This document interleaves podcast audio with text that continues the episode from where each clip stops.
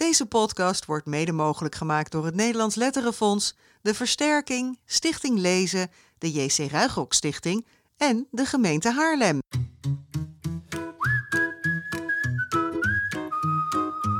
We zitten wel in Haarlem, maar niet op onze vertrouwde stek in kinderboekwinkel Kiekeboek, maar thuis bij onze gast, illustrator Tae Chong King. Welkom bij de 33e aflevering van de Grote Vriendelijke Podcast. Mijn naam is Jaap Frieso en ik bespreek kinderboeken voor jaaplees.nl. En bij mij aan de overkant van het plexiglas zit Bas Maliepaard.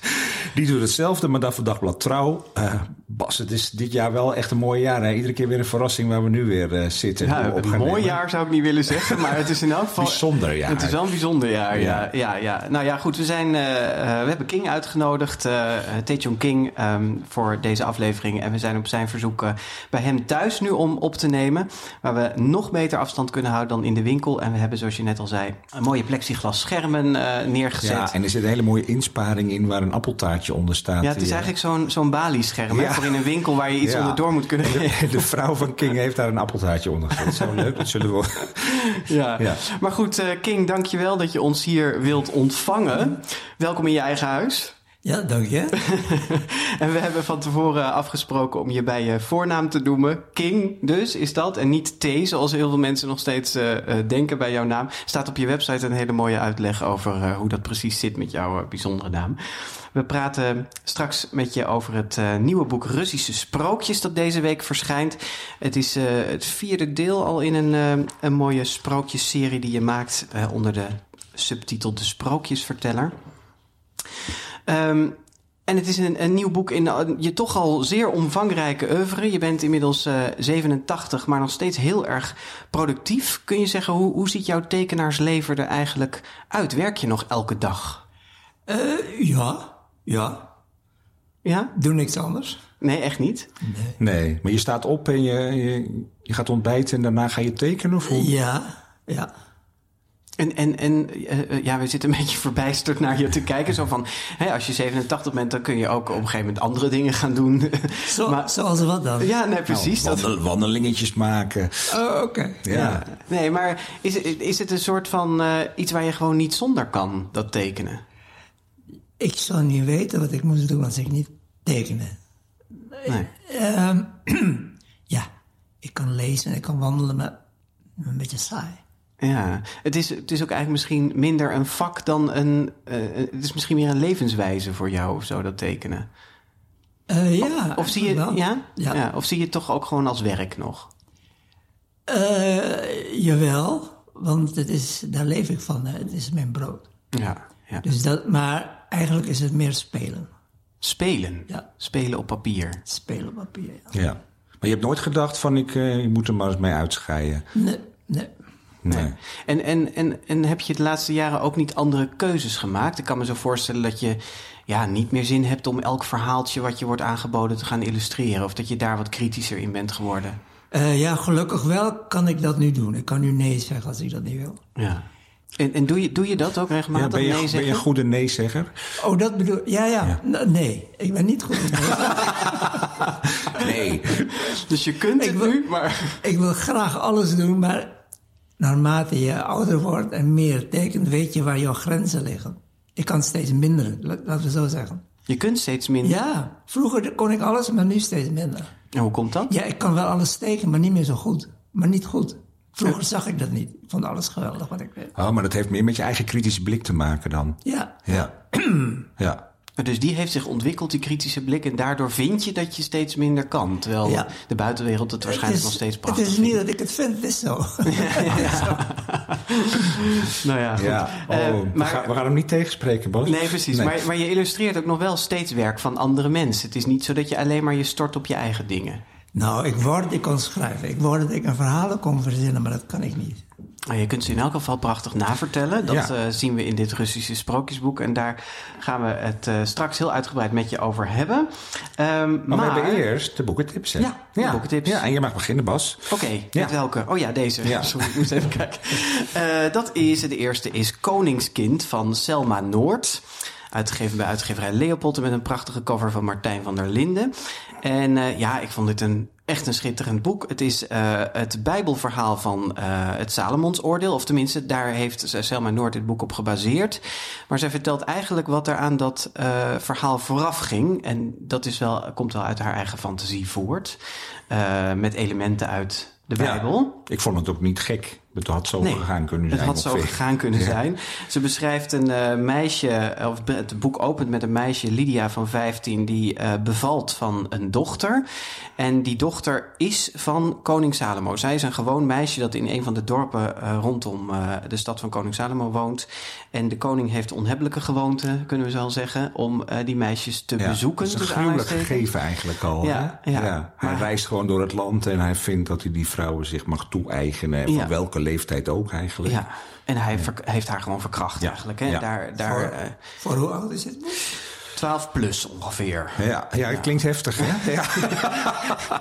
Je trekt meteen weer het weg, King, eh, deze synopsis. Maar ja, het wordt wel zo beschreven dat je daar wel... Nee, dat, het, kan, het kan prima Het kan prima, leeftijd. ja, Ja. ja. Eh, uit, uit, die, die, eh, nou ja, uit die verkrachting wordt dus een dochter geboren, Zissel. En zij wordt vervolgens eigenlijk meer de hoofdpersoon van het, eh, van het boek.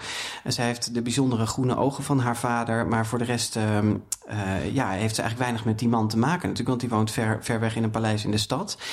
Zij groeit op in een dorpje. maar op een dag kruisen de paden van de koning en haar elkaar opnieuw. En op, op een vrij gruwelijke wijze. Ja, we kennen het verhaal van Salomons oordeel wel. Hè? Ehm, eh, de koning werd gevraagd om te beoordelen wie de echte moeder van een zuigeling was. En hij zei daarop van eh, ik eh, hak de baby maar door midden. Waarop de echte moeder daarop ja, protesteerde, daartegen protesteerde. En toen zei koning Salomo, nou dan moet zij de echte Ja, moeder ik wel weet niet hoe dat voor jou was, maar dat is voor mij wel een van die bijbelverhalen waar ik als kind echt... Ja, wat gewoon heel bijzonder en spannend is. Dat je denkt, wat gaat die koning Ja, ik, doen? ik, ik kan me dit verhaal eerlijk gezegd niet zo Oh, goed nee. herinneren. Nee, ja, dit is voor mij wel een van die klassieke bijbelverhalen met koning. ko- Wie had je? Sim, Simpson? Dat was geen koning, maar Simpson met die lange haren die wel of niet afgeknipt ik was meer van de barmhartige Samaritaan. Oh ja, nee, Ja. ik kwam van een spannende Daniel in de Leeuwenkuil. En dit was Oh, ja. ook wel zo'n verhaal waarbij je Ja. echt denkt... Ja. En gewoon heel bijzonder, die uitkomst. Het is een beetje lastig om te beschrijven. Van, eh, eh, we willen niet te veel erover weggeven. Maar ehm, nou ja, goed, eh, het, het oordeel wat Salomo moet geven... dat heeft uiteindelijk ook iets te, te maken met Zissel en haar leven... en het leven van moeder Lydia, die haar dus aan het begin van het boek krijgt. Ehm, Waarom is het een goed boek? Want Ja. jij schreef in je recensie van het, het, volgens mij iets van het omvangrijke oeuvre van Selma Noord is dit een, Nou ja, om- omdat je soms aan die boeken leest waarvan je denkt... ja, dit klopt gewoon helemaal. Dit is een boek uit één stuk. Hè. Dit, eh, eh, ze, ze schrijft het ongelooflijk eh, zintuigelijk. Dus het is een hele... eh, niet eens, zeg maar, niet mooi schrijverij in de zin van allerlei bijzondere zinnetjes of zo. Maar het is heel beeldend geschreven. Je ziet het allemaal voor je. Je ruikt alles. Je ziet alles. Eh, nou ja, die tijd komt daardoor echt tot leven. Het is spannend. Het heeft een soort sprookjesachtige sfeer. Dat komt ook nog weer door die hoofdfiguur Zissel, die een eh, onvolgroeid armpje heeft. Wat Ja. een reigerpootje wordt genoemd. ja, en ze in praat niet, hè? Ze praat niet, ze zwijgt. Wat ook heel bijzonder is, natuurlijk een hoofdpersoon die niet praat.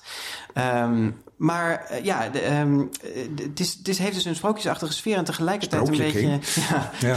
en tegelijkertijd een, eh, de sfeer van een historische roman. Ja. Ehm, zij is ook op reis geweest om, om dit alles zo goed te kunnen beschrijven. Dus ze is naar Israël geweest, Palestijnse gebieden in Jordanië. En heeft daar echt ja, veel musea bezocht en een sfeer opgesnoven om deze tijd eh, ja, kunnen ja, tekenen. en wat ze eigenlijk doet is waar ze heel erg de nadruk op legt, hebben ze keert eigenlijk dat verhaal om. Zo van koning Salomo, dat verhaal kennen we, hè? maar hè, dat is dan zo'n krachtige koning die zo'n heel wijs besluit nam. Maar eigenlijk is het helemaal niet zo'n fijne man. Nee, en juist die nee. mensen die, nou ja, waar die, die last van hem hebben, dat zijn eigenlijk de sterke mensen uiteindelijk. Ja, hè? ja. En, en zij moet, Sissel, de hoofdpersoon, die moet dus ook van haar, haar zwakte haar kracht maken, zegt Ja. haar eh, eh, stiefvader op een gegeven moment.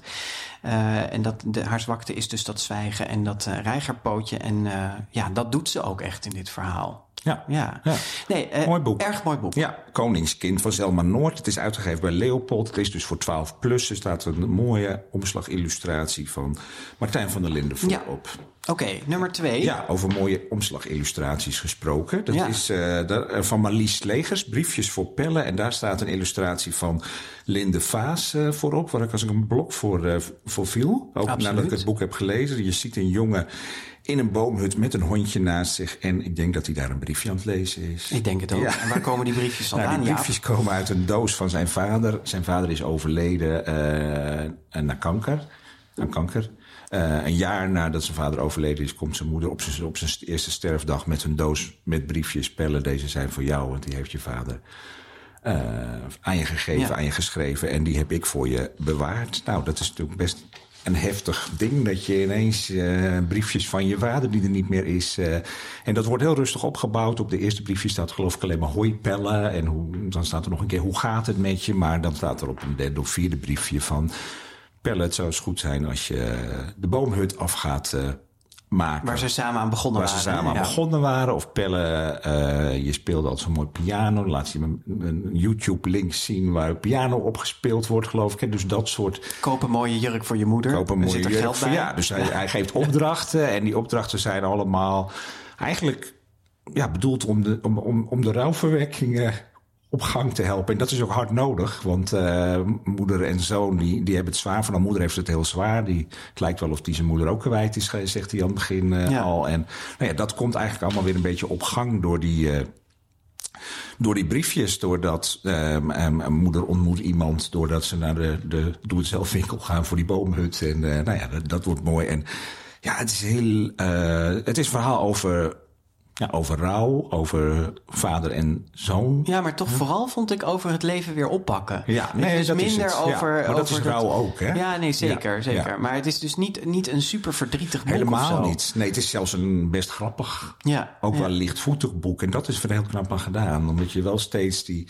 die pijn voel je er wel doorheen. Maar je voelt ook van, nou ja, zij moeten door die pijn heen leven. En daar helpt die vader een handje mee op een mooie manier. Hey, en wat hou ik toch van schrijvers die je opeens verrassen? Want we kennen Marlies Slegers natuurlijk van eh, nou ja, hele hippe tienerboeken eigenlijk. Hè? En eh, eh, ze heeft ook een, een, een, een reeks over een hockeyteam. Dus van die series. Ja, ze tapt uit een heel ander vaartje. Ja, absoluut. En, en nou ja, het is, we hadden echt wel allebei zoiets van wow. Wat, ja, ik wat, vind het, het is, ja, weet je, je kan er best wat op aanmerken dat het, dat het wat veel is af en toe. Maar gewoon de hele, het hele onderliggende gevoel, dat raakt ze gewoon heel erg goed. En dat raakte mij eigenlijk eh, Ja, ook. absoluut. Ja, dus eh, Ja, en eh, de hoofdpersoon is een brugklasser, hè? Dat Ja. was het enige waarvan... Want bij, bij de omslagillustratie, ik ben met je eens dat ik hem heel mooi vond... maar ik vond hem misschien wel wat kinderlijk voor een, Oh, ja. voor een maar brugklas. het is geloof ik ook niet zo'n grote jongen. Nee, precies. Nee. Maar ja, kinderen vanaf een jaar of tien vinden dit dan natuurlijk prachtig om te lezen. Ja. Maar ja, mooi boek. Uitgegeven bij Luitings Seidhof. Absoluut. Goed, en... ehm, een boek op tip minder dit keer. Oh, ja. Normaal eh, zijn het er drie, hè? Dat weet je toch Ja. wel, Jaap. Ja. Eh, eh, maar we hebben nu even ruimte ingeruimd voor de kinderboekwinkelprijs. Want die mogen we dit jaar net als vorig jaar bekendmaken. Vorig jaar deden we dat door te bellen met Mark Jansen. Die had gewonnen met zijn prettenboek Eiland. En eh, de prijs wordt toegekend door de samenwerkende kinderboekwinkels. Het zijn volgens mij gewoon alle kinderboekwinkels in Nederland. En die prijs gaat naar een boek dat nog niet bekroond is door de andere jury's. Door de, door, dus door de Griffels. Beetje over het hoofd gezien, zeg maar Ja, precies. wel. Ja. eh, Jaap, jij hebt eh, voor deze opname gebeld Zeker. met de winnaar. Of misschien zijn het er wel twee. Luister maar even.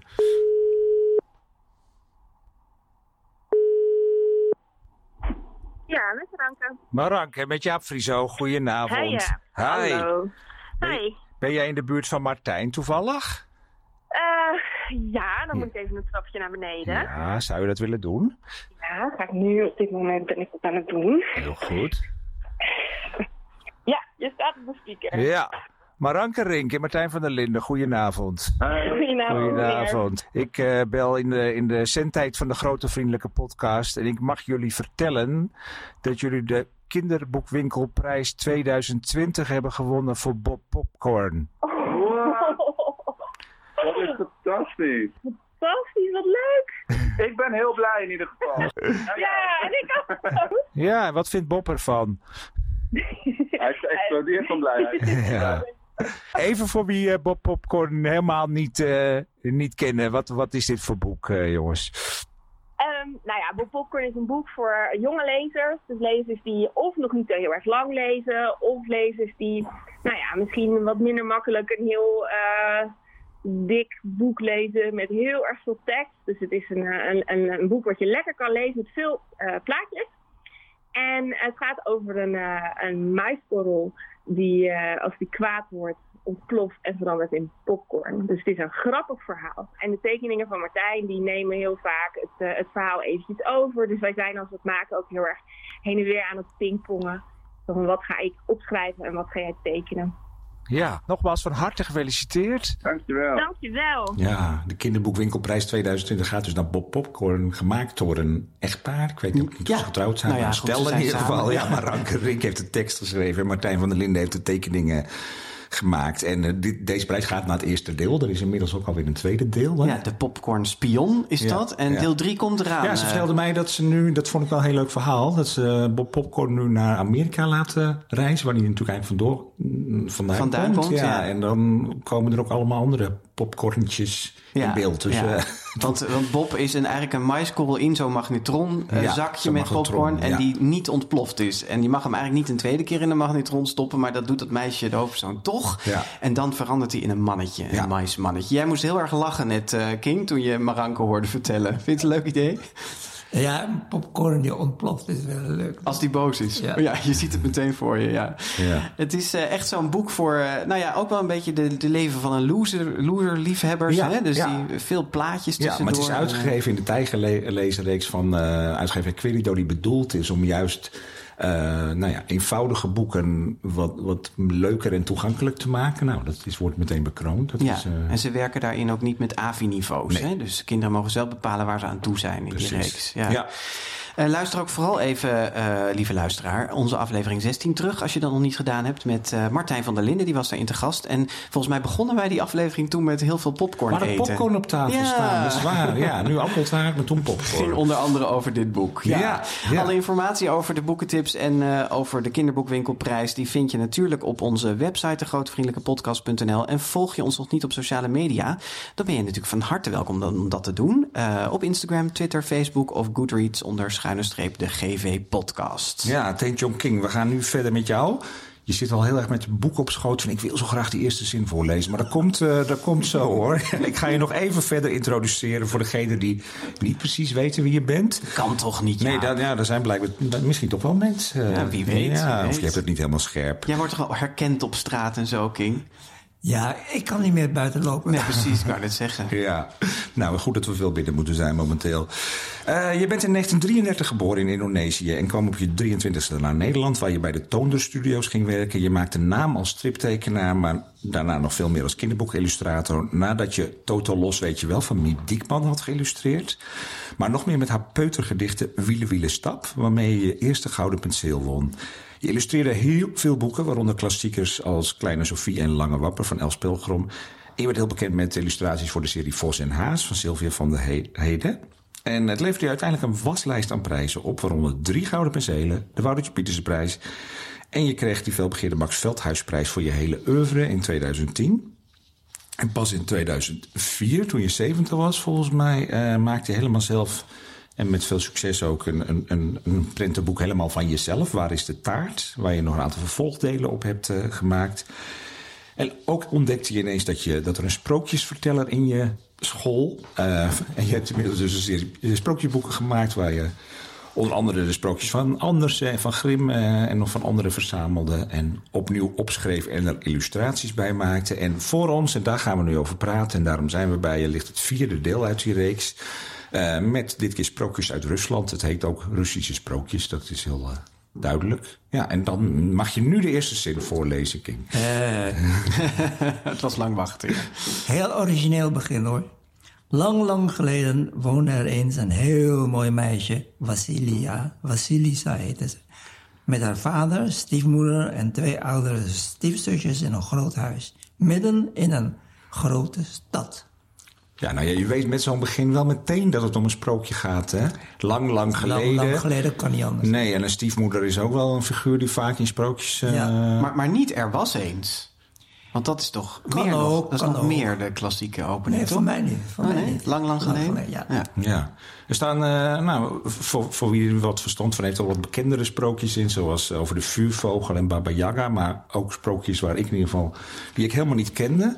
Hoe, hoe, hoe selecteer je de sprookjes voor zo'n eh, voor zo'n boek? Eh, nou, ik kreeg dus een boek met sprookjes. oorspronkelijke vertalingen. En nee, het is dat ik sprookjes schrijf, hervertel.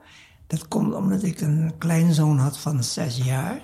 En die, die vertelde die las ik voor. Maar gewoonlijk was hij helemaal gebiologeerd als ik ging voorlezen. Hè? Hij keek me aan zo recht en ik bewoog niet meer. Maar met sprookjes begon hij te, van alles te doen. Hij haalde zijn knuffel en zo. Die waren te moeilijk voor hem. Die woorden waren te moeilijk. Of, of, en toen dacht ik, ik ga dat woord veranderen, want ik moest steeds hetzelfde verhaaltje voorlezen. Ik verander dat woord, ik verander die zin. En toen dacht ik, weet je wat, ik schrijf speciaal voor hem, voor Tobias. Zo is het begonnen.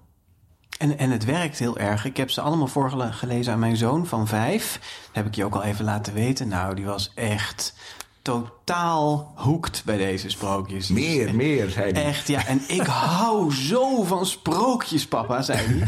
En het kwam echt, maar ja, ik moet zeggen, dat heeft ook echt te maken met de manier waarop je het opschrijft. Je, je vertelt het heel goed zoals je het uh, hebt gedaan. Nee, want als ik, als ik het zogenaamd schrijf, dan schrijf ik het niet. Ik, ik haal mijn zesjarig kleinzoon voor me.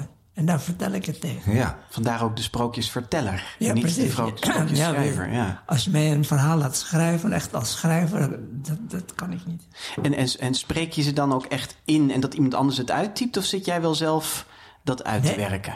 Ik typ het uit, ja. Je typt het Ja. uit, ja. Maar je vertelt ze echt, dat vind ik ook heel leuk in die sprookjes. Want je voert ook af en toe jezelf op. Hè? Dan zeg je iets van, eh, nou ja, ik weet, ik weet, eh, ik weet het Ja, ook niet ja. precies. Of Ja. eh, je geeft een soort commentaar ook af en toe. Nou, het leuke is dat ik onder, onder het- voorlezen vraag...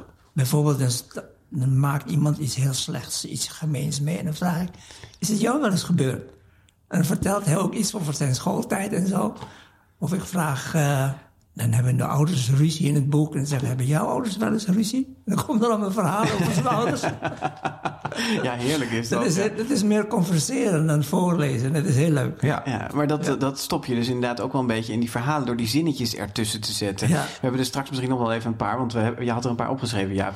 Maar Ja- Jaap vroeg net, eh, hoe heb je ze geselecteerd? Dus eh, hoe heb je bepaald welke verhalen in dit boek terechtkwamen? Ik heb ze geselecteerd op tekenmogelijkheden. Ah, kijk. Niet op de inhoud. Nee, daar wilden we naartoe. Dus je bent, een, een dik, je bent dus een dik bo- boek met sprookjes gaan lezen. Ja. Russische sprookjes. En toen ben je gaan kijken van waar, waar heb ik zin in? Wat ja, kan precies. ik? Ja, wat kan ik tekenen? Waar zie ik leuke plaatjes bij? Want wat zijn dat tekenmogelijkheden? Waar, waar ligt dat aan? Wat zijn daar de criteria voor? Nou, er moet veel gebeuren. Een sprookje van een heel gesprek, dat is niks aan. Dat, dat kan Nee, dus er wel. moet veel actie in zitten, bedoel ik. Ja, daar moeten dingen, ja. Ja, Liefst moord en doodslag. ja. ja. Moord en dood. Ja. Zo lekker om voor Maar dat is ook wel zo, hè? Veel gevechten, eh, mensen die van een ravijn, ravijn storten. Nou, weet je wat het is? Als kind weet ik nog heel goed. bezat, eh, bekeek ik een stripplaatje van, hoe heet die? Ridder Valiant. Oh ja. Ken je? Een, een, een riddergevecht. Dan was ik één van die twee. Dus meestal was ik natuurlijk valiant. En dan zat ik mee te vechten. Hè. Op die tekening had eh Valiant, via, Valiant. Valiant ja. een zwaard hoog boven het hoofd van die ander. Dan denk ik, nee, dat moet hij niet zo. Hij moet het zo doen. Weet je, zo zat ik mee te leven. Ja, en dat heb je dus ook bij deze sprookjes. Als je, nou, er, er is meteen in de eerste verhalen staat een heel bruut plaatje al van een, eh, eh, van een, eh, een stok met een doodskop erop. En daar komt een soort steekvlam uit die een stiefmoeder verkoolt. Ja, ja, Dat is echt- ja, ja, ja. Nou, dat is heel leuk om te tekenen. Ja, Ja, ja, ja. want je, zo zit je die sprookjes dus te lezen. Zo van, hey, heb, heb ik hier beelden bij? Kan ik hierbij tekenen? Ja, en Ja. vooral wat als ik als kind, hè, wat ik daarvan zal zeggen. Ja. Van die tekeningen. Maar, maar even nog één stapje terug, hè, want we, we willen natuurlijk heel veel over die tekeningen weten. Maar nog even over die verhalen. Wat, wat fascineert jou aan sprookjes? Want het is al het vierde boek. Je weet van geen ophouden. Het is niet zozeer die sprookjes maar de gelegenheid om mij, voor mij om leuke plaatjes te maken. Ja, dat snap ik. Maar die, die gelegenheid die bieden toch andere verhalen ook wel? Dus waarom kies je dan voor die sprookjes? Ja, weinig? Weinig. Ja? Hoe- En waar ligt dat dan aan? Ja, die huis- en een keukenverhalen, daar is niks geks mee te halen. Ik bedoel, Nee. Want dat zijn altijd gewone mensen. ja, En bijvoorbeeld Griekse, eh, Griekse mythen en legenden, dat vond ik ook erg leuk om te doen. Ja, die heb je ook gedaan, hè? Sprookjesachtig, ja. Ja, en veel moord en doodslag. En veel mooie doodslag, ja. En de magie misschien ook wel die, er, die erin zit. Ja, hoor, alles magische- kan. Alle- ja. En dat is erg leuk om te tekenen. Ja, en tegelijkertijd is, is de cast van een gemiddeld sprookje ook wel weer elke keer een beetje dezelfde. Weet je, altijd weer Ja. die prinsessen, altijd weer die knappe prinsen, altijd weer die heksen met kromme kinnen en kromme neuzen. En die gemene stieffamilie die Ja. erbij komt, ja. Maar is dat dan niet iets wat je op een gegeven moment verveelt? Dat je denkt, nou, moet ik weer, weer zo'n eh, protserige jurk tekenen? Eh, nee, nee. Je kan genoeg variëren. ja? Ja, jawel, ja. Oké. Ik vind het leuk dat je zegt alles kan. Want dat is in dit boek viel me dat ook. Ik had al een tijdje even geen sprookjes gelezen. En denk ik echt alles kan. Wat ik heel leuk vind is dat ze bijvoorbeeld altijd binnen één minuut al besluiten om te gaan trouwen. En dan zien ze elkaar en dan zeggen ze: hé, hey, nou, we gaan trouwen. Dat is, eh, Ja, maar dat, en, en, voor, het- en ze zijn ook zo weer van uit elkaar. En eh, dat ze over twee minuten gaan trouwen, dat heb ik erbij gedaan. hoor. ja, ik dat vind ik heel erg leuk. Weet je, dus ze worden, al die stappen worden overgeslagen. Hoppa, we gaan. Ja, precies. Ja. Dat valt inderdaad wel op dat ze heel compact zijn op een bepaalde manier. Er zit een soort snelheid in die Ja, want- sprookjes. Ja, want Tobias mag zich niet vervelen, Ah, dus, dus je denkt, hoppatee. Ja. Ja, Tobias denkt dat dat hele verloving en dat gedoe voor zo'n huwelijk, we gaan gewoon trouwen. Ja, Saai. dat is wel zo. Ja. Echt, want ze vonden, en ze vonden elkaar erg aardig, dus besloten ze te trouwen. Ja, dat, precies. dat zijn de sprongen in het verhaal van King. Ja. Prachtig, ja. Maar daar ben je dus inderdaad eh, echt ook druk mee bezig geweest. Met die snelheid, met die compactheid. Ja, leuk. Ehm, we vroegen jou om een stukje voor te lezen, maar jij hebt ons gemaild dat je liever wil dat wij dat doen, want je bent niet zo'n goede voorlezer. Hoe kan dat dan als je je kleinzoon eh wel steeds Ja, maar voorleest? hier, hier zo voor de microfoon, dat lukt me niet. Nee. Nou, zal ik het dan doen? Ja, ga. Ja, ja, ik wil even een stuk voorlezen uit het, het sprookje De IJzeren Kachel. Een van de leukste, hè? Vind ik de leukste. Jij zei ook meteen, Ja. hè? Ja, even, even kort vertellen. Dat is eh, een, een sprookje over een, eh, nou ja, een ijzeren kachel. Nee, een, een prins die in een ijzeren kachel wordt veranderd. Ja, hij wordt erin getoverd. Hij wordt erin ja. getoverd, dat is het, ja. En die kachel die staat ook gewoon ergens midden in een bos. Ja. Dus je denkt, oké, prima. ja. Ja. En dan komt er een eh, prinses aanlopen en dan gaat die kachel tegen praten. En, en die moet, eh, die prinses die moet eh, met een mesje of iets schrapen op die kachel om die prins te bevrijden. Ja. Dat is het, hè? Ja, Volkomen onzin dus. Ja, Ja, dat heerlijk toch- toch? Ja, ik ga het even voorlezen. En hier zit ook alweer zo meteen zo'n trouwscène in. Oh, leuk, Ja, ja. leuk, leuk. Eenmaal bij de kachel aangekomen, kraste ze, dus de prinses dus, met het mes over het ijzer. En, oh wonder, ze had het mes nog niet over de kachelbuik gehaald, of er zat al een gaatje in. Ze tuurde er doorheen en wat zag ze daar? Een heel knappe prins. De betovering was verbroken. De prins klom uit de kachel, pakte de hand van de prinses en zei: Kom, laten we meteen naar mijn eigen land gaan. Dan kunnen we daar trouwen. Hoppa. Ja, zo- zo ging dat Zo vroeger. dat fijn. Ja, dat is goed, zei de prinses, die gelijk smoorverliefd was geworden op de prins. Maar ik wil eerst nog afscheid nemen van mijn vader. Dat mocht gelukkig. Maar ze kreeg wel een waarschuwing mee van de prins, die dat natuurlijk weer van de heks had gehoord. Ze mocht niet meer dan drie woorden tegen haar vader zeggen, anders zou het met hen allebei slecht aflopen. Ze beloofde plechtig dat ze eraan zou denken. Drie woorden, hoe moeilijk kon dat zijn? Terug in het paleis omhelsde ze haar vader innig. Ik kom afscheid nemen van je papa, zei ze. Dat waren meer dan drie woorden. En wat gebeurde er?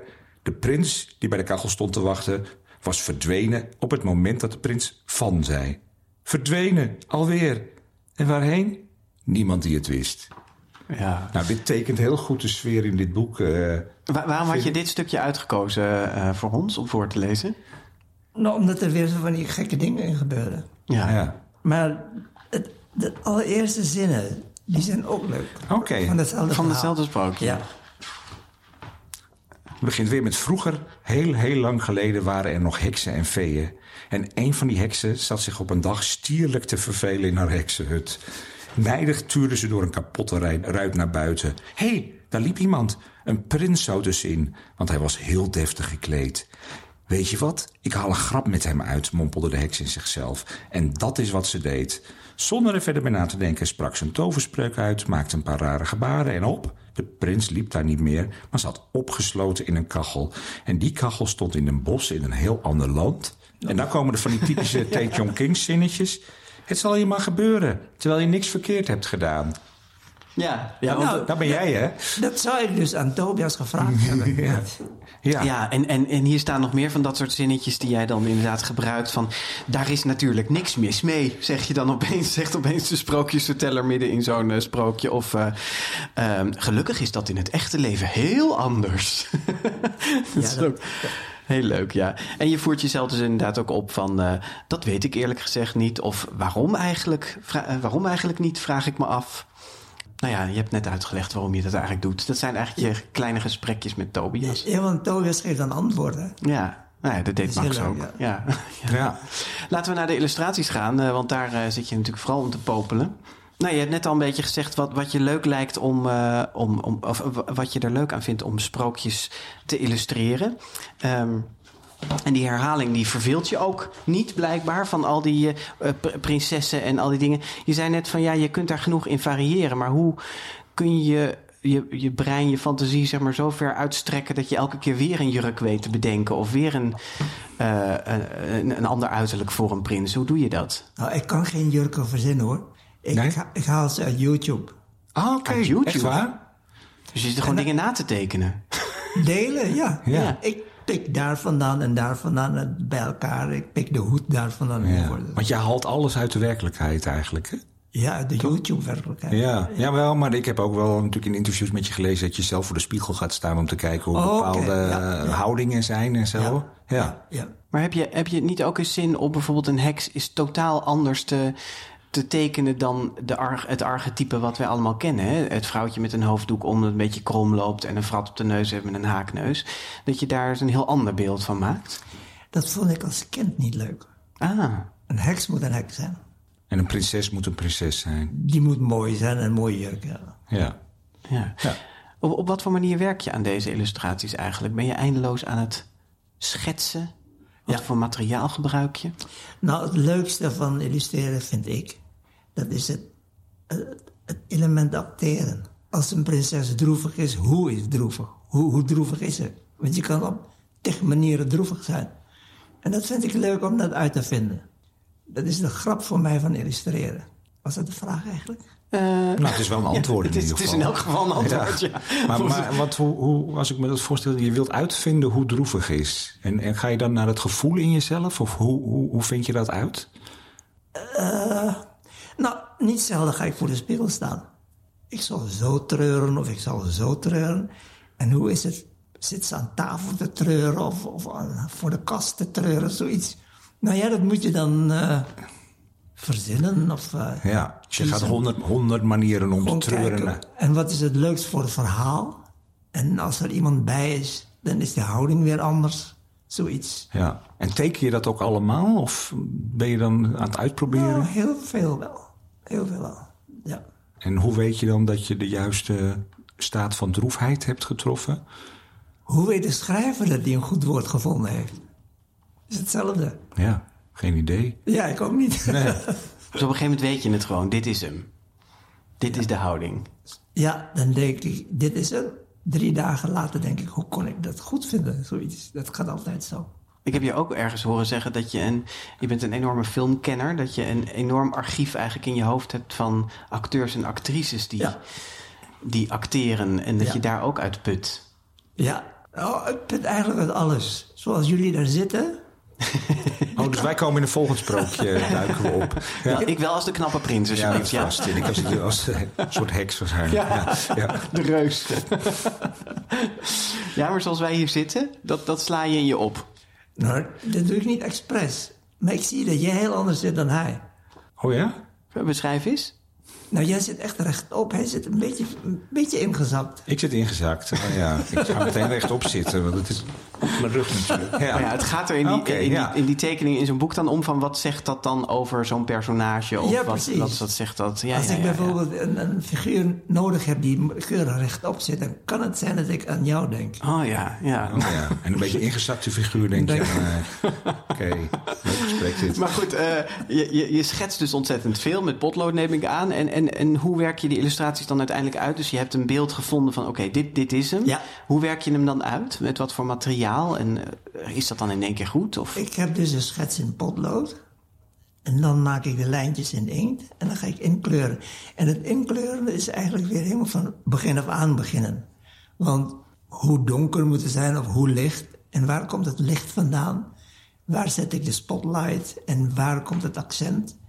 Dat is dan heel leuk om uit te vinden. Net als het, hoe de houding is, is hoe de kleur. Want dat is even belangrijk. Als ik het in zwart-wit heb, dan leeft het nog niet. Hè? Maar de kleur maakt het levend. En moet dat dan in één keer goed zijn? Ik weet niet hoe dat werkt. Nee hoor. Nee. Kun je het er weer afhalen? Oh, nou, ik werk op papier. Ja? Dus ik kan het niet zomaar op een knopje drukken, zo- zo op de iPad. Nee. Maar dan, kun je, dan moet het toch wel vrij snel goed zijn? Of, eh? Of maak je hem dan gewoon weer helemaal opnieuw? Ik maak hem opnieuw. Oh, dan maak je hem opnieuw? Ja. Oké. Dus er moeten stapels en stapels niet gelukte tekeningen hierboven liggen. Ja. Jee. Jeetje. Ja. Nog even over die emoties, hè? want je zegt die droefheid. dan, Maar wat, wat, wat vind je, zijn er emoties die je echt heel moeilijk vindt om te treffen, om te tekenen? Nou, niet moeilijk, maar een beetje saai. Het zijn gelukkige mensen. Het is ook wel saai eigenlijk. Eh, Dat, is saai. dat heb je met acteurs zo, dat hoor je. hè. Dat ze liever boeven spelen dan Ja. hele helden. Dat, zijn, dat is veel leuker. Ja. maar en hoe teken je geluk? Dat is ook bijna niet te doen natuurlijk. Nou ja, een big smile. Ja, het worden van die blije eieren altijd. Ja, ja, precies. Ja. Maar je bent ook heel erg bezig met compositie. Hè? Met, en ook met hoe je, je noemt het al een paar keer houdingen. Dat, dat viel ons ook op als je hier doorheen bladert. We hebben ook een prachtige biografie van jou gelezen. eh, van strip tot sprookje van Joukje Akveld en Annemarie Terhel. En daar hebben ze ook een heel leuk stukje in over die houdingen. En hoe jij eh, dingen spiegelt of hoe je dingen herhaalt. Bepaalde houdingen. Ehm, dat viel ons hier bijvoorbeeld op de cover al meteen op. Daar, eh, daar zie je een, eh, een groot schip op de achtergrond. En een, ehm, een koopmanszoon en een koopmansdochter... die wisselen portretten uit met elkaar. En die staan eigenlijk bijna op dezelfde manier... maar dan gespiegeld naar elkaar toe. ja, Waarom doe je dat? Of dat je op zo'n ja, bijna gestileerde manier... eigenlijk die houdingen vormgeeft? Wat is daar leuk aan, aan, de, aan, dat, aan dat repeterende of... volgens mij werkt dat komisch. Kan het komisch werken. Eh, spiegelen en herhaling. Ja, volgens mij wel. Ja, dus het is, het, het- je probeert daarmee een lach op ons gezicht te krijgen als je dat ziet. Nou, een beetje wel, want het is eigenlijk heel dramatisch. Ja, Een heel ja. dramatisch moment. Er zit inderdaad verderop in het boek nog een, eh, een tekening eh, van een eh, prinses, volgens mij, die door een wolf gegrepen wordt. En dan zie je op de achtergrond haar hofdames. En die staan allemaal in dezelfde geschrokken houding, met hun armen precies op eenzelfde Ja, kijk, ja. manier. Ja. En daar werkt het wel inderdaad een beetje Ja. verzachtend voor de, Ja, voor de hele situatie. Ja. Ja. ja. Maar, maar die compositie, is dat iets waar je dan heel erg mee aan het uitproberen bent? Om te kijken wat is de goede manier? ja hoor. Ja. Ja, ik weet nog, er is een, eh, een, een illustratie van een meisje met de zwavelstokken. Daar komt die dronken vader komt binnen en die grootmoeder die verwacht dat ze geslagen wordt. En ze verbergt het kleinkind achter haar. Dan is dat heel belangrijk hoe, hoe dicht staan ze bij elkaar. En staat hij hoger dan zij en hij... Dat is heel leuk om dat uit te vinden hoe, wat het meeste effect heeft. En zi- en zijn daar ook een soort wetten voor dan? Dat je, je zegt nu die, die een staat hoger dan de ander. Zijn dat ook een soort trucjes, om het oneerbiedig te zeggen, die je kan inzetten? eh, om bepaalde emoties op te wekken of een bepaalde situatie goed te krijgen? Ik geloof het wel. Als je iemand hoger zet dan de andere, dan heeft dat iets met macht te maken. Hè? Ja. Het, eh, het valt ons wel op dat je de meeste personages in dit boek althans eh, midden in de actie vangt. Ehm, en volgens mij heb je dat niet altijd gedaan in je, in je tekenaarscarrière. Heb je er ook wel eens vlak voor gezeten of er vlak na? Eh, Oh, ja. Na de gebeurtenis. Waarom kies je hier voor die echt midden in die actie? Nou, het hangt er vanaf. Hè? Soms is de actie op zich wel grappig. Ja, dat is een keuze die je maakt. Je kan allebei doen. Ja, maar goed, ik vraag je nu waarom je deze keuze Ja. hebt gemaakt. Zo makkelijk kom je er niet vanaf. Ja, dat is bij elke plaat natuurlijk anders. Hè? Die overwegingen die je maakt, is iedere keer anders. Ja, maar de overweging is hier wel heel vaak midden in de actie. Ja, ik, Ja. Weet, ik weet niet waarom. Nee? Nee. Heeft, heeft dat gewoon ook iets met de spanning te maken die je wil weergeven? Of dat je Tobias wil eh, eh, blijven boeien voor het sprookje? De denkbeeldige Tobias. Nou, dan? weet je, de, ehm, als je de actie op dat moment tekent, dat is natuurlijk veel leuker. Maar je bent wel aan het voorschrijven, hè? maar dat doe je toch altijd al. Als tekenaar Als bedoel tekenaar doe je ja. dat altijd al. Ja. Dus eigenlijk is het... eh, Ja. Ja. eh, Ik weet het niet. Nee, nou, maar misschien is het dan goed om even op een paar illustraties in te zoomen. Dan wordt het misschien ook wat duidelijker. We hadden jou even gevraagd om na te denken over illustraties die je eh, best wel goed gelukt vond. En Ja. ik hoop dat je dat nog steeds vindt. En eh, minder geslaagd eh, Ja. vindt. Ja. Het is natuurlijk wel lastig voor de luisteraar, maar we proberen de illustratie dan maar een beetje te beschrijven. We gaan even naar pagina 44, King. Dat was een eh, illustratie, is een illustratie uit de Koopmansdochter. Ja, waar ook de cover uitkomt. Ja, eh, ja, en dat heb je als een voorbeeld genoemd van een wat minder geslaagde tekening. We zien op die tekening eh, de koopmansdochter links staan. Die heeft een handschoentje in haar hand. Rechts het staat de grootvizier, eh die ervan wordt beschuldigd die handschoen te hebben gestolen. In het midden staat eh, de koning. Op een verhoging. Op Macht. een verhoging. Kijk, dat ja. is macht. Ja, ja, macht. precies. Ja. En uiteraard is een valse man in het zwart. Ja, oh ja, dat is de grootvizier dus. Die Ja. kijkt heel boos, een groot gezicht en die is geheel in het zwart gekleed. Maar wat, wat is hier nou niet... Want wij vinden dit natuurlijk weer een hele prachtige illustratie. Wat is hier nou niet goed aan? Nou, waar ik me nu waanzinnig aan stoor, Ja. moet je even op die handschoenen letten. Ja. Die Ja. moeten een vrije achtergrond hebben. Ja. Eh, ja, ja. oké. Moet dat? Ja? Jawel, want nu, is- nu vecht die handschoen met die mantel van die koning. Ah, oké. We Ja. zien de, eh, de, de vrouw die heeft eh, een, een, een, ja, een handschoen in haar hand. Dus Ja, die heeft ze en- niet aan, maar die eh, ligt over haar hand heen. En dat is in de, tegen de achtergrond van de mantel van de koning. Ja. En jij zegt dat moet niet door elkaar heen? Nee, die koning had meer naar links. Zodat, zij helemaal, zodat die handschoen alleen maar in het groen was. Oké. Oh ja, ja. En het draait, want dat heb je op zich wel een punt. Het draait in deze illustratie om die Om handschoen. die handschoen, Ja. precies. Dus ja. daar moet je blik eigenlijk meteen naartoe getrokken worden. Ja. ja. En, waarom heb je dat dan niet gedaan? Ja, dat zag ik later pas. Ja, nee, ik ben het helemaal met je eens. Laten we deze... ja, precies. Ja, maar hoe is dat dan nu? Denk je echt van bah? Ja, vervelend. Ja? Ik vind heel vervelend te kijken. Ja, ja. Maar dit klinkt wel ook best perfectionistisch, want het is verder toch best een mooie tekening. Jawel, maar dat stoort wel. Ja, Ja. We hebben er nog één, hè? ja op Even pagina kijken. 166. Ja, dat is eh, Eh, uit de De vuurvogel. boogschut, boogschutter en de ja. vuurval heet het sprookje. Dat is ook een minder geslaagd. Doen we straks nog een geslaagde king. Nou, dit is wel eens eentje waar je mee worstelde. Oh ja, Dus niet worstel, meer mee, Je zei... eh, Zien we weer een soort, eh, soort podium met eh, een trapje ervoor. En daar staan twee buitengewoon rijk uitgedoste figuren. Ehm, het ook nog weer tegen een hele gedetailleerde achtergrond. Wat is hier niet goed aan? Nou, de, mijn idee was dat die twee helemaal zouden verdrinken in rijkdom. Mhm. Dus dat je ze helemaal nauwelijks ziet vanwege al die rijkdom. ja. Maar ik had hier meer eh, licht en donker kunnen maken. Als ik die achtergronden donkerder had gemaakt, kwamen die twee meer uit. En toch zouden ze nog kunnen verdrinken in de rijkdom. Ja. maar ze verdrinken hier nog steeds wel in hun rijkdom. Want ze staan er ook echt een beetje ongemakkelijk bij. En in die veel te grote, eh, Ja. prachtige mantels. Maar het is nu heel plat. Ja. Ja. Er zit geen diepte in. Nee, dat, dat ben ik met je eens. Het is heel plat. Ja, dat had ik zeker in een recensie geschreven. Als... Nee, maar... nee, maar ik snap wat je bedoelt. Dus Er zit geen diepte in. Ja, ja, Ja. nee, dat is helemaal waar. Mensen, als u dit luistert, ga ook even naar onze site. Dan gaan we even deze twee plaatjes in elk geval op de site zetten. Dat mensen het meteen kunnen Oh, zien. Ja, en als ik je nou zou vragen van eh, King, deze tekening eh, eh, keuren we af. Die gaan we, kun je daar dan vandaag een nieuw, nieuwe van maken? Heb je dan in je hoofd Ik hoe weet, dat zou precies, moeten? ik weet precies hoe ik het nu kan doen. Ja. Ja. ja. Oké. Soms komt dat gewoon te laat. Dan Ja. ligt het boek al eh, bij de drukker. Ja. Dan nog even de Goesli-speler. Of zeg je, zeg je Goesli? Weet ik niet. Is nou. instrument, hè? Dat is een instrument. En daar zien we... welke Pagina 100 pagina? 118. 118. Daar zien we... Een klein college Ja, illustraties. dit, dit wordt, eh, ja, precies. Ja.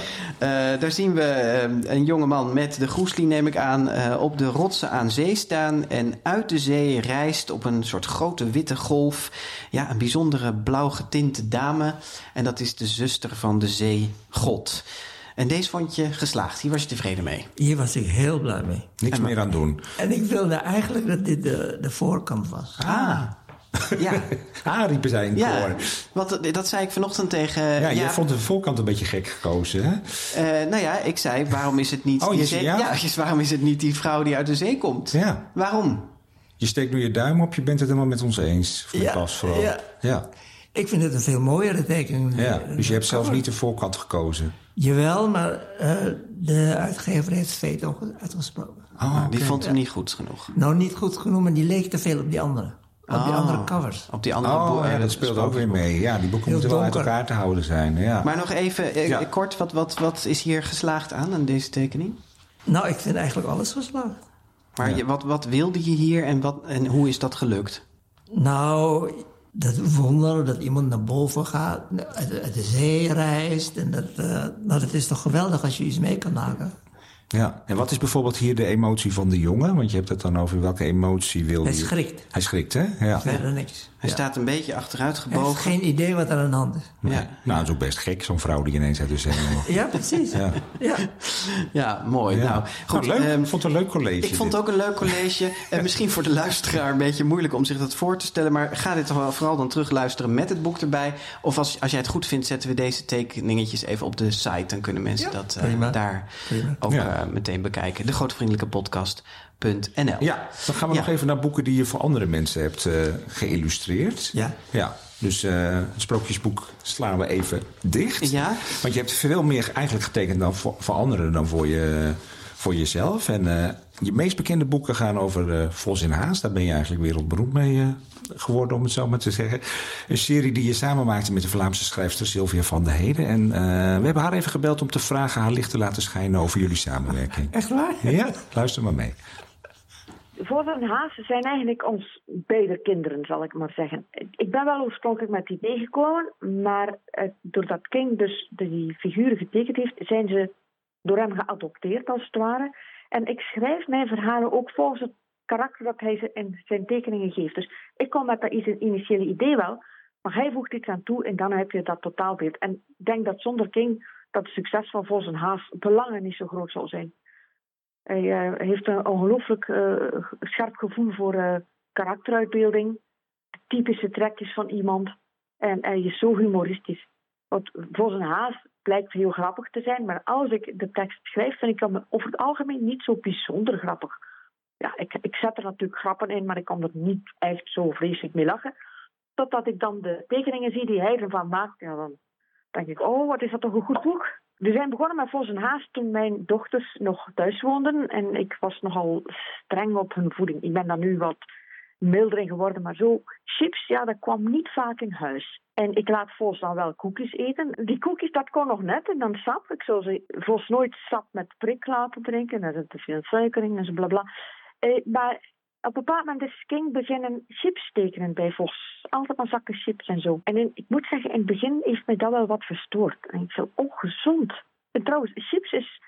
Misschien zou ik Vos chips laten eten als het niet zo'n moeilijk woord is om te lezen. Want eh Vos en Haas moet heel eenvoudig zijn. Nu ben ik erover hoor, Vos eet chips. Maar in het begin dacht ik, eh, mm, dat is niet gezond, Vos. Dat is niet gezond. Koek is natuurlijk ook niet gezond en ijs en taart. Maar dat zijn wel hele mooie woordjes voor eerste lezers. Vandaar. Dus eh, sorry King, laat Vos maar lekker chips eten. Maar eigenlijk is het niet echt gezond hè. Je hebt er chips aan toegevoegd. eh. ja. Ja, Sylvia die zegt dat jij eh, met, met de tekeningen de humor toevoegt aan het verhaal. Ben je je daar bewust van? Eh, nou, ik kan die tekeningen zo grappig tussen aanhalingstekens maken om, op haar tekst. Ik Ja. bedoel, haar tekst die, die roept dat op. Ja, dus, dus Maar zij zegt eigenlijk juist van... maar ik vind dat ik helemaal niet zo grappig schrijf. Eh, ja. Ja, het is misschien eh, eh, het zo'n gevalletje van het geheel is beter dan de, Ja, de- precies, de, de som onderdelen. der delen, Ja, de som ja. der delen. Ja, Ja, precies, ja. dat zocht ik, ja.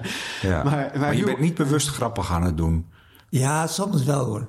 Ook als de, als de tekst dat vraagt, als de, als de situatie dat vraagt, dan ga ik er soms ook een schepje op, bovenop te- doen. Ja. En die chips, hoe zit dat? Eh, ik vind chips erg lekker. Het is wel heel ongezond, hebben we net uit Vlaanderen gehoord. Mag niet, King. Er is, niks is gezond. Ik heb net gisteren gehoord dat we allemaal plastic eten. Ah, Oké. Hey, die, die Vos en Haas, dat, die liggen wel echt na aan je hart, denk ik. Hè? Want die reizen al zo lang met je mee. Ja, eh, toen ik die opdracht kreeg, was dat heel bijzonder. Het was een tijd dat het niet mocht, sprekende dieren. Dat was echt vloek in de kerk. Het Oh, moest, ja? ja, het moest over echtscheiding gaan. Het moest ook, ik weet niet, problemen, dat moest het zijn. En, eh, zulke, maar ik was heel blij dat ik het kreeg. Hoe, over welke jaren hebben we het eigenlijk? Wanneer, wanneer is Vos en Haas voor het eerst verschenen? Vijf, 15, 16 jaar? Ja, zoiets. Ja, ja, ja, Zoiets, ja. ja. Dus toen was volgens jou het, het realisme meer. eh, Ja, ja, absoluut. en, dit, eh, en, en wat vind je er lekker aan om Vos en Haas te tekenen? Wat, wat kun je erin kwijt? Nou, ten eerste dat het heel erg bekend is. Ik, ik kan heel weinig tekenen en weet de, de lezer al waar het over gaat. Omdat ze die Vos al zo lang kennen, Vos en Haas. Ja, dus, Die dus de roem. Ja. Ja, dat- Vertrouwd.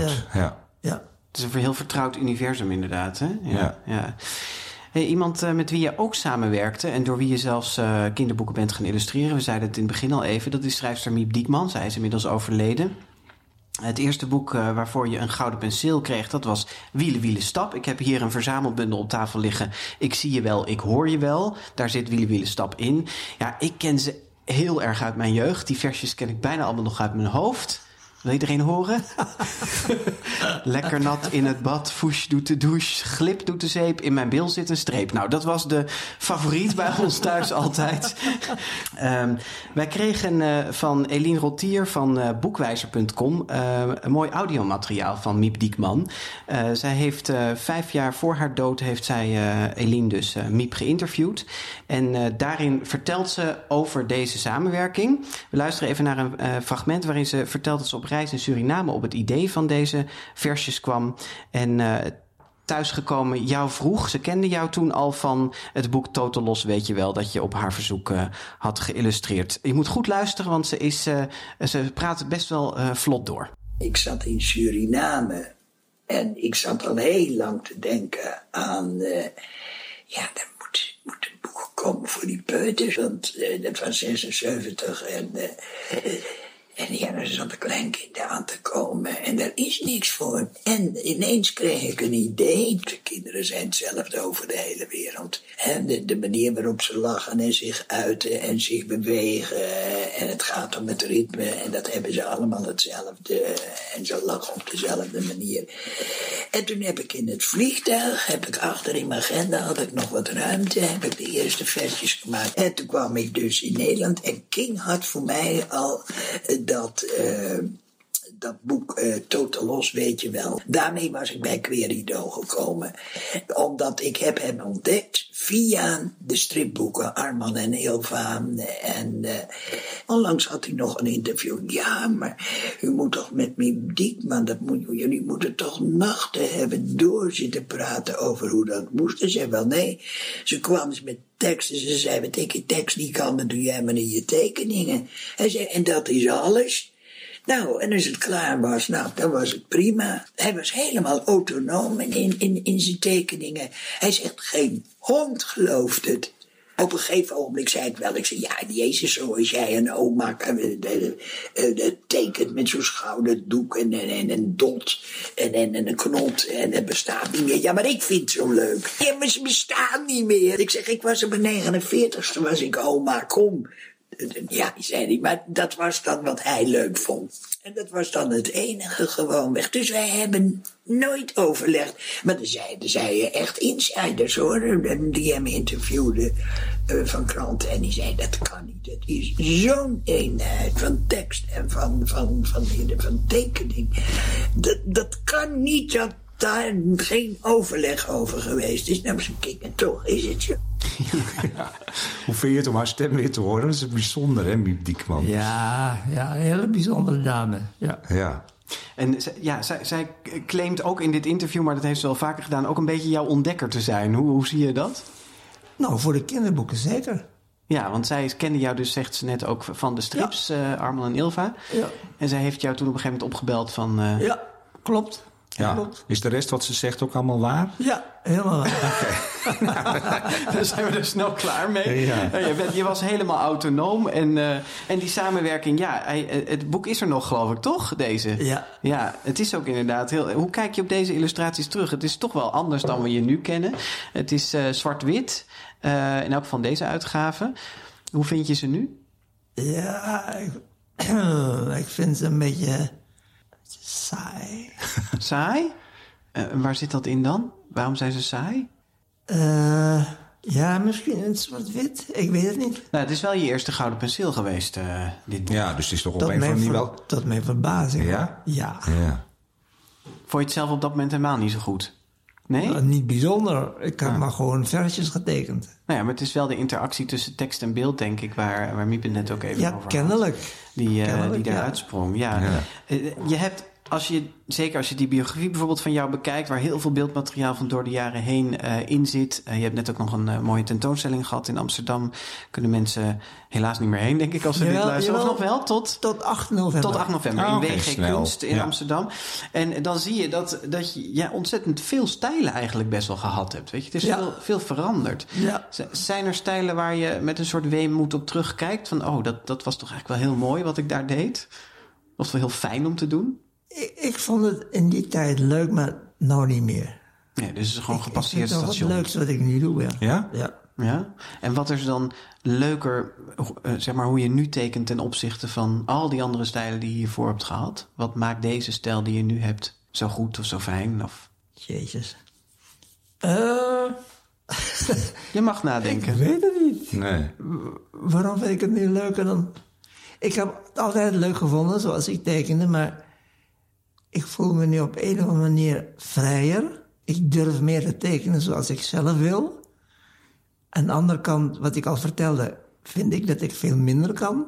Ja, maar dat had met je eigen kritische blik te maken. Hè? Zoiets. Ja. Zoiets. Nou ja, het is wel fijn dat je op je 87ste vrijer eh, Ja, voelt. ja. En, maar dat is ten opzichte van andere mensen. Voel je je vrij? Eh, Trok je daar vroeger dan meer van aan of zo? Wat andere Nee, ik was vroeger meer aan, aan, aan regels ge- gebonden. Een tekening, ja. tekening moet zo, of een hand moet zo. En dat durf ik nu van af te wijken. Hmm. Iets meer.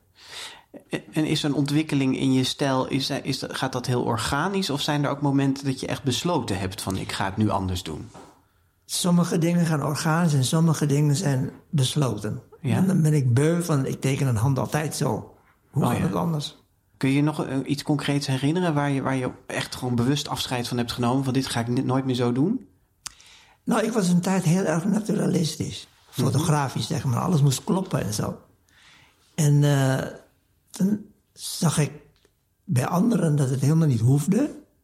Maar zo ver als die anderen gingen, dat wilde ik dan weer niet. Want het moest toch wel bij de werkelijkheid blijven. En dan, eh, ja, dan zoek je.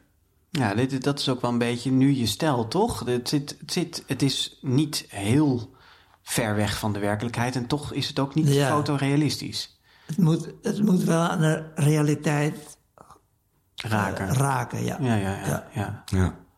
Hey King, je bent nu eh 87, ik zeg het nog maar een keer. Eh, heb, je, heb je alles gedaan wat je wilde? Of zijn er nog dingen die we van je kunnen verwachten de komende tijd? Of ga je lekker zo door? Ik ga gewoon door. Ja. En eh, ik heb zo'n idee dat er nog iets in zit dat er nog niet uitgekomen is. Oh, wat interessant. en heb je ook een idee in welke richting dat nou, zit? ik zal je vertellen. Ik kreeg een opdracht om platen te maken over Haarlem. Mhm. En toen dacht ik, oké, dat betekent dat ik de iconische gebouwen van Haarlem moet maken. Maar ja, de Bavo-kerk, kun je beter een foto maken. Ik bedoel, waarom zou ik het tekenen? Ja. Het zijn dus ook een mooie teken. En toen dacht ik, weet je wat, ik, maak, ik probeer het toch te tekenen. En het werd, ja, zo'n soort Anton Pieck. Heel braaf, Ja. En ik was op het punt om die opdracht terug te geven, want zeggen dat, dat kan ik niet. En toen viel mijn inkpot eroverheen, over die tekening. En toen dacht ik, om het even af te maken, ging ik het heel snel doen. En toen had ik het. Ah. De gevallen inkpot. De gevallen inkpot, ja. En toen ging je hem heel snel... En toen heel snel, toen ben ik heel vrij, want toen zeg ik, het hoeft niet precies te zijn. Het, moet, het gebouw moet herkenbaar zijn en verder maakt het niet meer zoveel uit. Zoiets. En daar ben je nu op verder aan het eh, borduren of tekenen dan? Voor illustraties, voor kinderillustraties is het een beetje moeilijk om dat toe te passen, vind ik. Maar voor vrijere tekeningen kan ik dit nu gebruiken. Ja, en, Zoiets. en, eh, maar in de kinderboeken zit daarin ook nog een, een ei wat nog gelegd moet worden? Ja, ik wil eigenlijk meer naar die kant van die gevallen inkpot. Ah, dus, ik, moet, ja, ja, ik dus moet even kijken of dat kan. hoe, hoe je het moet inzetten Ja. in, voor kinderboeken. Ja. ja, ja. Ja. Nou, vind ik een mooie ontwikkeling. De gevallen inkpot. Ja. Op je, op je 97ste zitten we hier weer. Ja, precies. Hey, we zijn eh, wel zo'n beetje aan het eind van het, eh, van het gesprek. Maar niet voor... De grote vriendelijke parel. Ja, want we hebben nog de grote vriendelijke parel te gaan. Eh, We hebben jou ook gevraagd, King, om een boek eh, uit te zoeken wat je op onze plank wil zetten met bijzondere boeken die eh, onze luisteraars zeker moeten gaan lezen. Welk boek wil jij daar opzetten? Ik zou zeggen het boek van Sylvia Weef en Bette Westra over de dood. Doodgewoon. Doodgewoon, ja. Ja. ja. Ja. Ik heb daar- ik heb daar namelijk vreselijk om gelachen. En het vond ik zo geweldig dat het kan. Ik heb het voorgelezen aan wie dan ook die hier op bezoek kwam.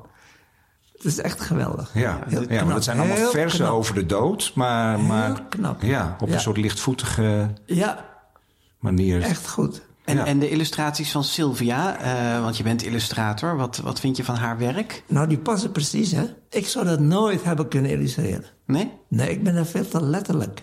Ja. Zij werkt meer associatief en zo. hè. Dat kan ik helemaal niet. Oh ja, bijzonder ja. Heb, ken je het nieuwe boek al van, de, van hun eh, uit elkaar over echtscheiden, over de voorbije liefde? Nee, ik heb wel de cover voorbij zien komen. Dat is heel erg mooi. Ja, nou die moet je dan eh, zeker Ja? even gaan aanschaffen. Want dat is eigenlijk de doen. opvolger van Doodgewoon, hè, zou je kunnen Ja, zeggen. doen. Ja. Ja. Wil je tot slot nog eh, de laatste zin voorlezen? Oh, ja. Ja, dat is niet zo'n hele ingewikkelde zin. Hij bestaat maar uit twee woordjes. Mooi toch? Nou, mooi toch. Dat is wel echt een mooie afronding van dit gesprek. Het was de laatste zin uit Russische Sprookjes. Dat is uitgegeven in de serie De Sprookjesverteller bij uitgeverij Godmar. En het ligt vanaf deze week in de winkel. King, we bedanken je zeer dat je ons eh, wilde ontvangen... en uitgebreid eh, met ons wilde praten over je werk. Wij doen onze mondkapjes weer op. en eh, zetten koers naar de voordeur. Wordt niet gezellig na b- babbelen en na eh, borrelen, wou ik zeggen. Maar Nee. dat is een beetje te vroeg voor, want Ja. we zitten hier in de ochtend. Ja, Goed. maar ja, in ieder geval hebben we een podcast op kunnen nemen. Perfect, Daar zijn we heel ja. blij mee. Dat deden we op dinsdag 27 eh, oktober. Eh wederom zelf veel dank aan onze technicus Mark Brouwer... die ons volgt waar wij ook maar eh, gaan.